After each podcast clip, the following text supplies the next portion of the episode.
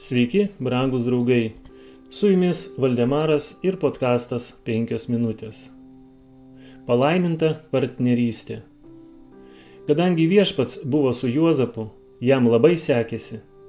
Egiptietis šeimininkas priskyrė jį prie savo namiškių. Kai šeimininkas pamatė, kad viešpats su juo ir visą, ką tik jis darė, viešpats laimino sėkme. Pradžios 39 skyrius, 2-3 eilutės. Atvykus į Egiptą, Juozapas buvo parduotas Potifarui, faraono apsaugos viršininkui, kuriam jis ištarnavo dešimt metų. Čia jis buvo gundomas įvairių gundimų, iš visų pusių jį supo stabmeldystė.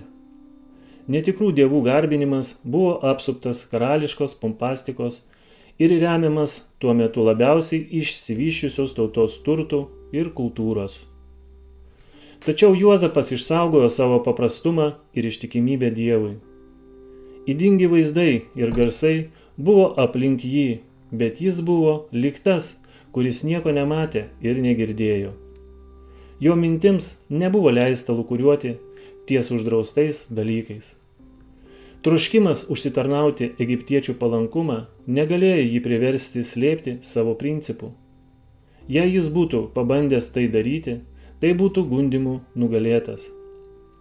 Jis nesigėdėjo savo tėvo religijos ir visiškai nesistengė paslėpti to fakto, kad jis buvo Jehovos garbintojas.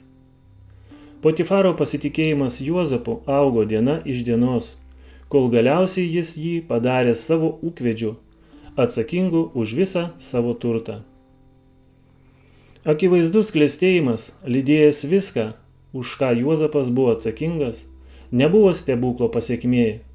Jo darbštumas, rūpestingumas ir energija buvo apvainikuoti dievišką palaimą. Visą savo sėkmę Juozapas priskyrė Dievo palankumui ir netgi jo pagoniškas šeimininkas priėmė jį taip nesulyginamo klėstėjimo paslapti. Bet tvirtų ir kryptingų pastangų tokia sėkmė niekada nebūtų pasiekta. Dievas buvo pašlovintas jo tarno ištikimybė. Tai buvo jo tikslas, kad tikintis į Dievą savo teisumu ir tyrumu pasirodytų aiškiu kontrastu prieš stabų garbintojus ir kad dieviškos malonės šviesa galėtų šviesti pagonybės tamsoje. Juozapo ištikimybė ir švelnumas pavergė sargybos viršininko širdį ir Juozapas tapo jam lyg sunus vergas jaunuolis turėjo galimybę susidurti su iškeliais ir mokytais žmonėmis. Jis įgyjo žinių apie mokslą, išmoko kalbą ir suprato santykių savitumą. Išsilavinimas taip pat buvo reikalingas ateities Egipto ministrui pirmininkui. Su jumis buvo Valdemaras ir podkastas 5 minutės.